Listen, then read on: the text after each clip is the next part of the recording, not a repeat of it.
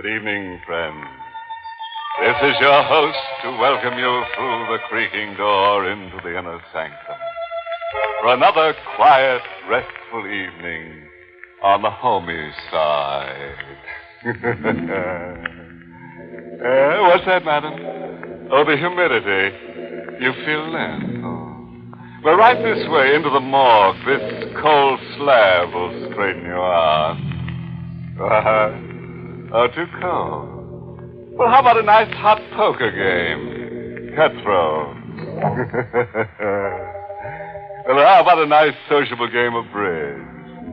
No? Oh, I see. Yeah, it's afraid of the stiff competition. Uh-huh. Oh, you play? Well, remember, you gotta pay up if you lose. We got enough deadheads here.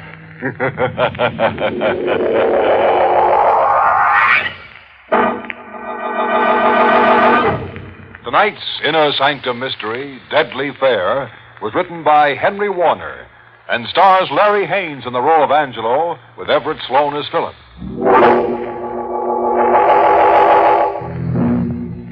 Just a moment. Don't settle back in your chair. You're going for a ride. Ready? It's the dark hour before dawn. Along the tree lined suburban highway, the headlights of the speeding sedan poke two long yellow fingers through the swirling dew. Behind the wheel of the sedan, a local taxi, sits Angelo Manetti, the cab driver. The cold nose of a madman's gun pressed against the back of his neck. Wondering by what fate a man like himself will live through the beachheads at Salerno and Anzio, only to come home to die like this. Wondering how long before the madman's trigger finger bends in a nervous twitch and makes a widow out of his wife, Josie, and a fatherless boy of a seven year old son, Johnny. I'm sorry I yelled at you tonight, Johnny. Sorry I made you cry, but if I ever get out of this, you can have all the crayons you want. A hundred boxes of crayons, and you can mark up all the walls. You can mark up the whole house. Pray for me, Johnny. I can't die like this.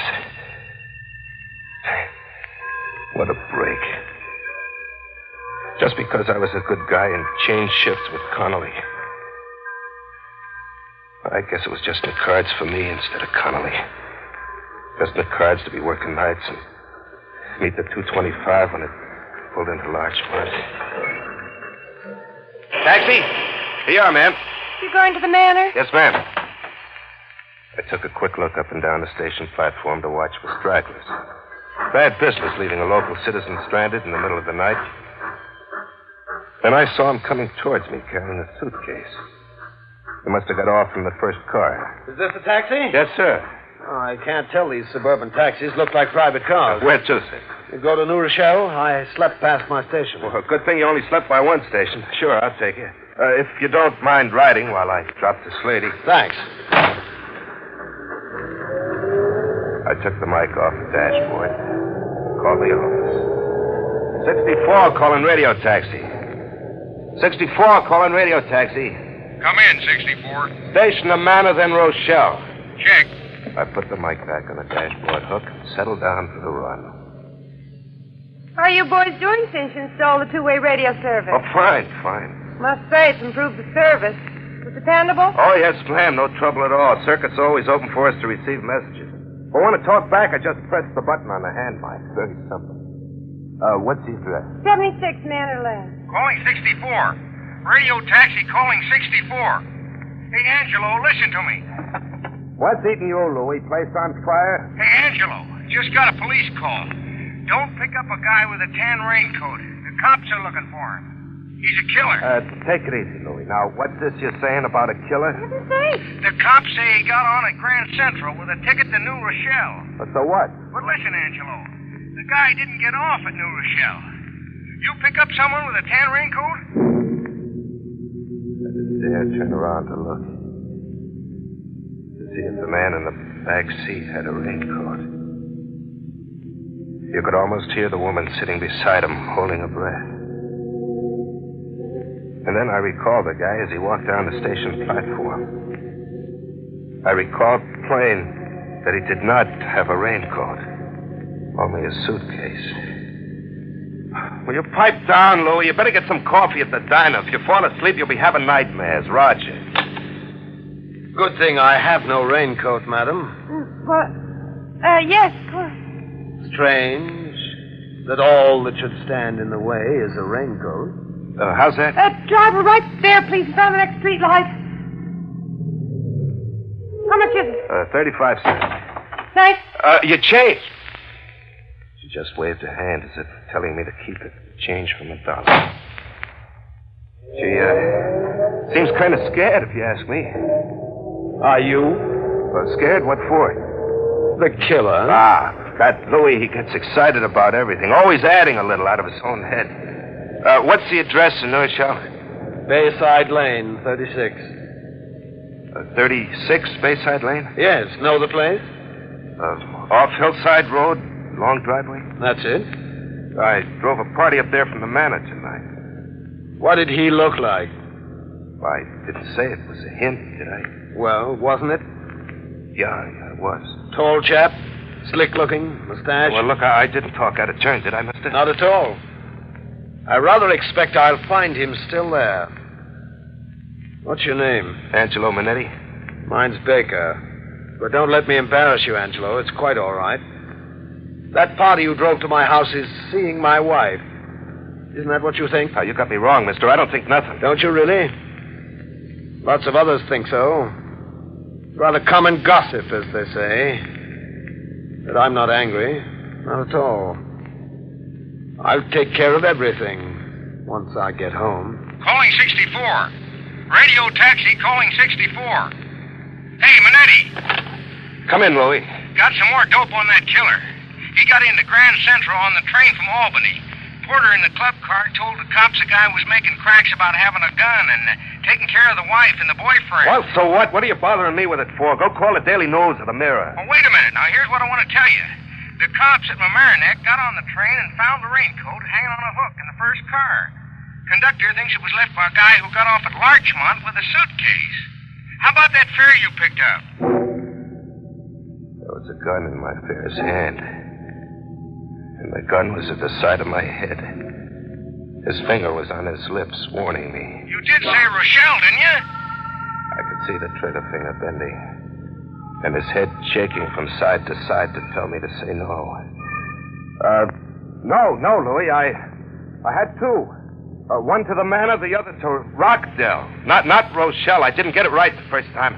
Forgot to call you. Also, also, he didn't have a suitcase. Oh, that's a relief. Say, uh, how's about coming back to the shack so as I can get a bite at the diner? Yeah, sure thing. Soon as I'm free. This guy wants me to wait for him. Take him back to the station. Roger. Nice work, Angelo. I got a wife and kid to think of, mister. So want to go to 36 Bayside Lane? That's right. Better slow down. There's Bayside Lane right ahead. All right, this'll do. I wouldn't like it if they heard us coming up the driveway. It'll be a dollar and a quarter, sir. Get out, Angelo. You uh, want me to get out? That's right. You're coming in with me to be my witness. Witness. What for? Divorce, maybe. Oh, please, Mr. Baker, that's not right. I can't afford to get mixed up like this. Ruin my taxi. Get out. And don't slam the door. Yes, sir. Carry my bag, please. He steered me with the gun in my bag. Slowly picking each step in the dark, across the lawn shielded by a high hedge, and around to the back of the house, to the kitchen. The lights were on, and we could see his wife and the boyfriend making themselves some bacon and eggs. All right, Angelo. Pull open the door. What? Hello, Doris. Hello, Walter. What are you doing with that gun? Please, Philip. Excuse me while I close the door, Walter. No use waking the neighbors. Oh, Doris, this is Angelo. Walter, Angelo. The introductions were polite, all right, but deadly. And he looked like he was enjoying it, a big joke. But there was nothing funny about that crazy grin on his face and the way he kept waving the gun around at the three of us. Well, Walter? Philip, please, you frighten me. Walter's not frightened. He never was. Of me. Isn't that so, Walter? Well, why don't you answer? There's nothing to say. Doris, do you love Walter? Come now. Of course. And you, Walter, do you love Doris? Yes? You dirty liar. Please. He's lying, Doris. I know he's lying. He wouldn't go around bragging how he sees you every time I go out of town if he really loved you. That's not true. We're going to be married. Oh, married. Not until you become a widow, Doris. I'll never give you a divorce. Or are you planning to divorce me? All right, Philip. You found me here and you have a witness. What are you going to do about it? I came back from Albany tonight to kill you. Philip! But I'll give you just one more chance. If I ever hear that you're trying to see Doris again behind my back, I swear I'll kill you. And Angelo here can be my witness that I warned you. Remember that, Angelo. Yes, you got me wrong, Philip. Sure, I've been seeing Doris, but I never went around talking about it. Don't come any Why, only closer, tonight Walter. I said to Doris, let's tell him. Give me that gun. Let go. Let go of Give my me that gun. Philip, Philip, please, please stop it. Stop! Ah! Doris! The three of us stood there, paralyzed, looking down on the still body of Mrs. Baker, her eyes glassy and blue, her blonde hair soaking up the blood from the hole in her head. One look was enough for the three of us to know that she was dead. You. You killed her, Philip. I. I killed her. No, Walter. You killed her. Didn't he, Angelo?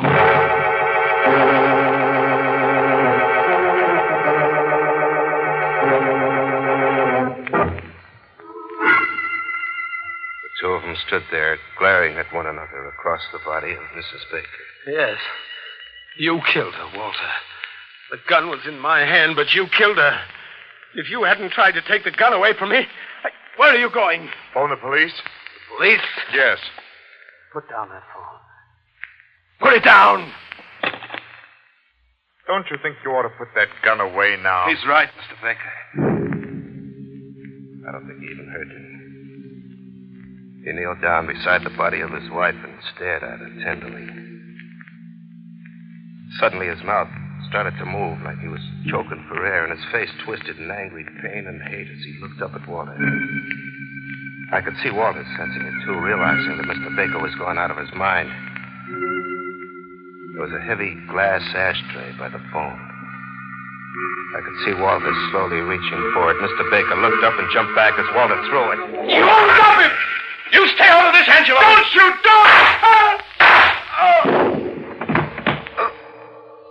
Doctor. Angelo. Doctor. You're going to die, Walter. Die like Doris. Angelo. Help me. Doctor. Don't bother, Angelo. He won't need a doctor. Stop it. No, no, don't do it. Mr. Baker, give him a chance. Please, give him a chance. He doesn't need a doctor now, Angelo, does he? Go on. Bend over him. See if he needs a doctor. He's dead. Yes. Now they're both dead. Both dead. What do we do, Mr. Baker? Do? What? What is there to do? The police. We ought to call the police. They'll take me away from Doris. I don't want to leave her. No, I mustn't leave Doris. Now, please. Please, Mr. Baker, won't you give me the gun? The gun? No. No, I got the gun to protect myself from Walter. But, but I'm not afraid of Walter anymore. He's dead. Walter's dead. That's right. Doris is dead and Walter's dead. We can't leave them here. We must take them away to a nice, quiet place where they can be alone forever. We. We take them away in your car, Angelo. My car? Yes, Angelo. You must do as I tell you. It will be their funeral car.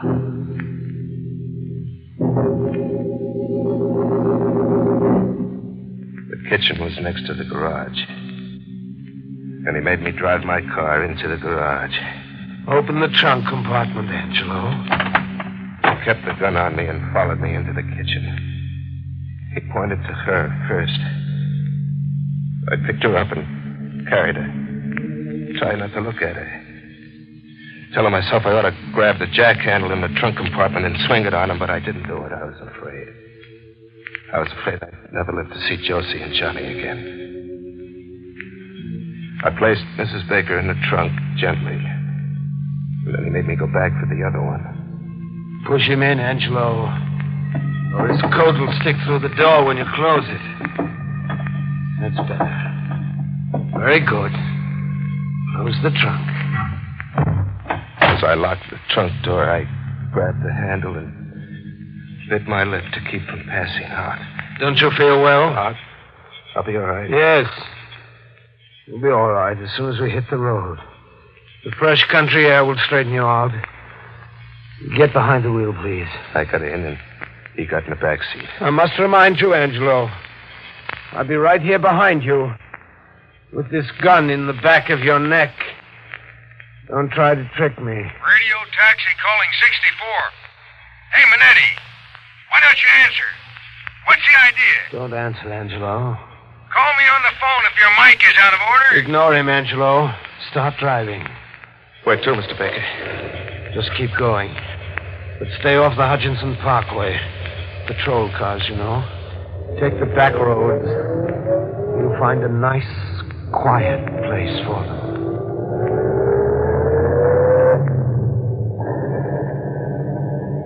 We went north on the post road. Louis' call breaking in on us every minute or so. Calling 64. Radio taxi calling 64. Persistent fellow, isn't he? Well, well, he's sorry. Expect me back to re- relieve him so he can go down to the diner for a bite. Pass me that cigarette lighter on the dashboard. Don't you hear me? I want the cigarette lighter. Oh, uh, it's not working. Have you got any matches? In my pocket. Let me have them. I reached into the side pocket of my jacket, fumbling through my handkerchief and keys for the pack of matches. And then my fingers touched the crayon. A small piece of black crayon, no bigger than an inch long, with a paper wrapping. The small piece of crayon I'd taken away from Johnny after I yelled at him and made him cry for marking up the wall. What about those matches? Uh, yeah. Here you are. I handed over the matches. But the piece of crayon was in my palm, concealed and held tight by my little finger and the one next to it. He lit his cigarette. Want a cigarette, Angelo? Uh, no, thanks. There ever was a time in my life I needed a smoke, it was then.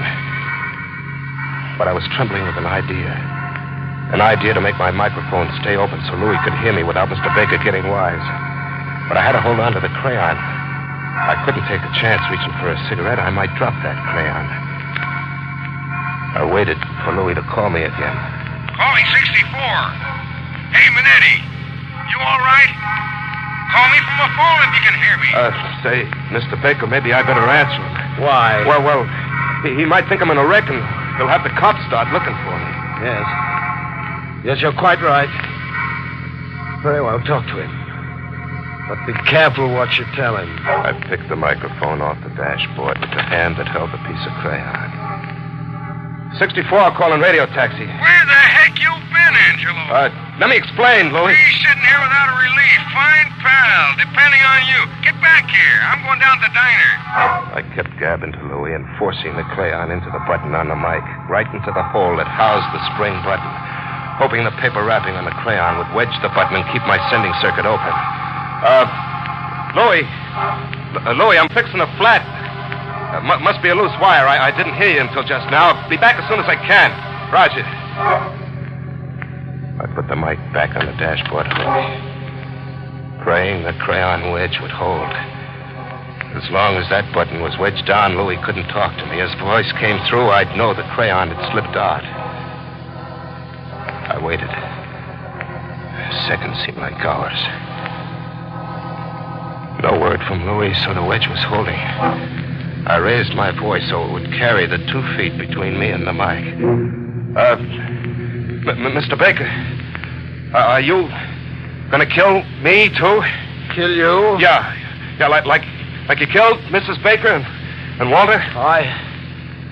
I've been thinking about what I ought to do with you, Angelo. Oh, don't don't kill me, please. I I, I got a wife and kid. I'll play dumb. I swear I will. I'll, I'll never tell anyone that you killed two people. Uh, where are we?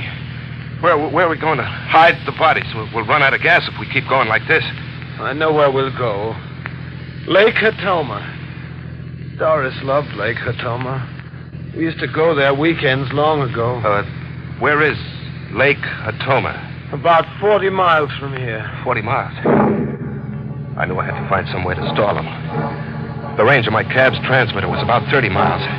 If I ever got out of range, I was done for. I had no way of knowing whether Louis had left the office or if he caught my first words telling him about my danger. Uh, do you know how to get to Lake Hatoma from here, Mr. Baker? Roughly, I know we used to go past White Plains. Well, I, I got a map. Good. Stop the car. Take a look at it.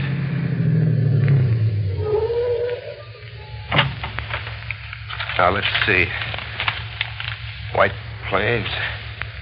Uh, yeah, yeah, Lake Hatoma. There it is. Uh, we go up here and then. Uh huh. I know where it is. Sure, sure. All right, let's go. We'll go the most direct way. No detours, mind you. Oh, no, sir. No, sir. We're, we're on Weaver Street now. We- We keep going up Weaver Street till we get into Old Mamaroneck Road. That sounds right, but hurry. I'm getting very tired. Step on the gas. I heard him, but I played dumb. Don't you hear me? I said let's go faster. Yeah, sure. Sure, anything you say, Mr. Baker. But, uh, you, you think it's smart? We're doing 50 now. Not very fast in the country. Well, county patrol cars are all through this section. We'll get caught speeding. That's quite all right. I pay the fine. Faster, Angelo. That's better. 60, 65, 70. Faster. It'll soon be daylight, and I'm very tired. I'm very tired. I, I wonder if Doris is tired. Uh, say, what did I tell you? This is Weaver Street. And then into Old Mamaroneck Road. Oh. Hear that? Patrol car? I told you. Here comes our speeding ticket. Slow down. But remember, I'll have the gun in my coat pocket. Let me do the talking. Just accept the ticket, and we'll be on our way. All The patrol car let me roll ahead and swung in behind us, and we came to a stop. Where do you think you're going? You were doing 80. Let's see your license. It, it's my fault, officer. I asked him to. Yeah, what for? Well, there, there's been a death in my family. My wife. Sorry. So I have to give the driver the ticket. He looked at my license in the beam of the patrol car headlight. And he started making out the ticket. And then in the side mirror of my cab, I could see another cop get out of the patrol car with a gun in his hand. And I saw him sneak down on the right side of the cab. He stuck the gun through the open back window just as Mr. Baker saw him. Don't move. What? Ah, too bad we couldn't take him in. Oh, it held, Johnny. It held. Say, uh, how come this guy didn't get wise? Your microphone circuit was open. You want to know? You really want to know? I'm leaving the house to go to work, see? In the hall, my, my kid, Johnny's marking up the walls with crayon. I, I yell at him and I make him cry. I take the crayon away, and that's, that's what kept the mic open. Here, look. Look here. You see? The, the crayon's still holding the buttons down. Hey, you got any kids? Yeah, why? You, you think I done right? Yelling at Johnny?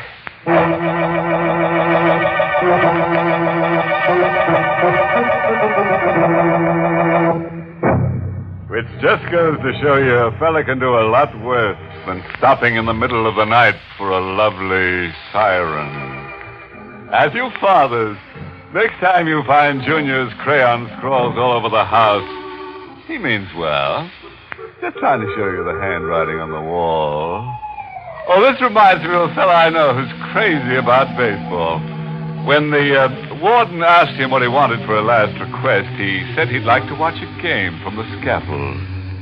But they called it after the sixth, so he could enjoy a seventh inning stretch.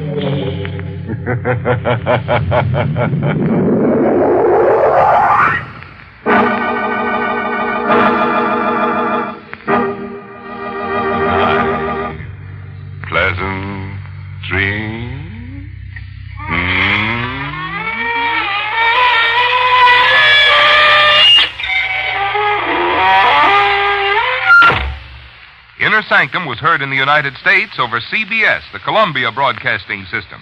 and has been rebroadcast for servicemen and women overseas. This is the United States Armed Forces Radio Service, the voice of information and education.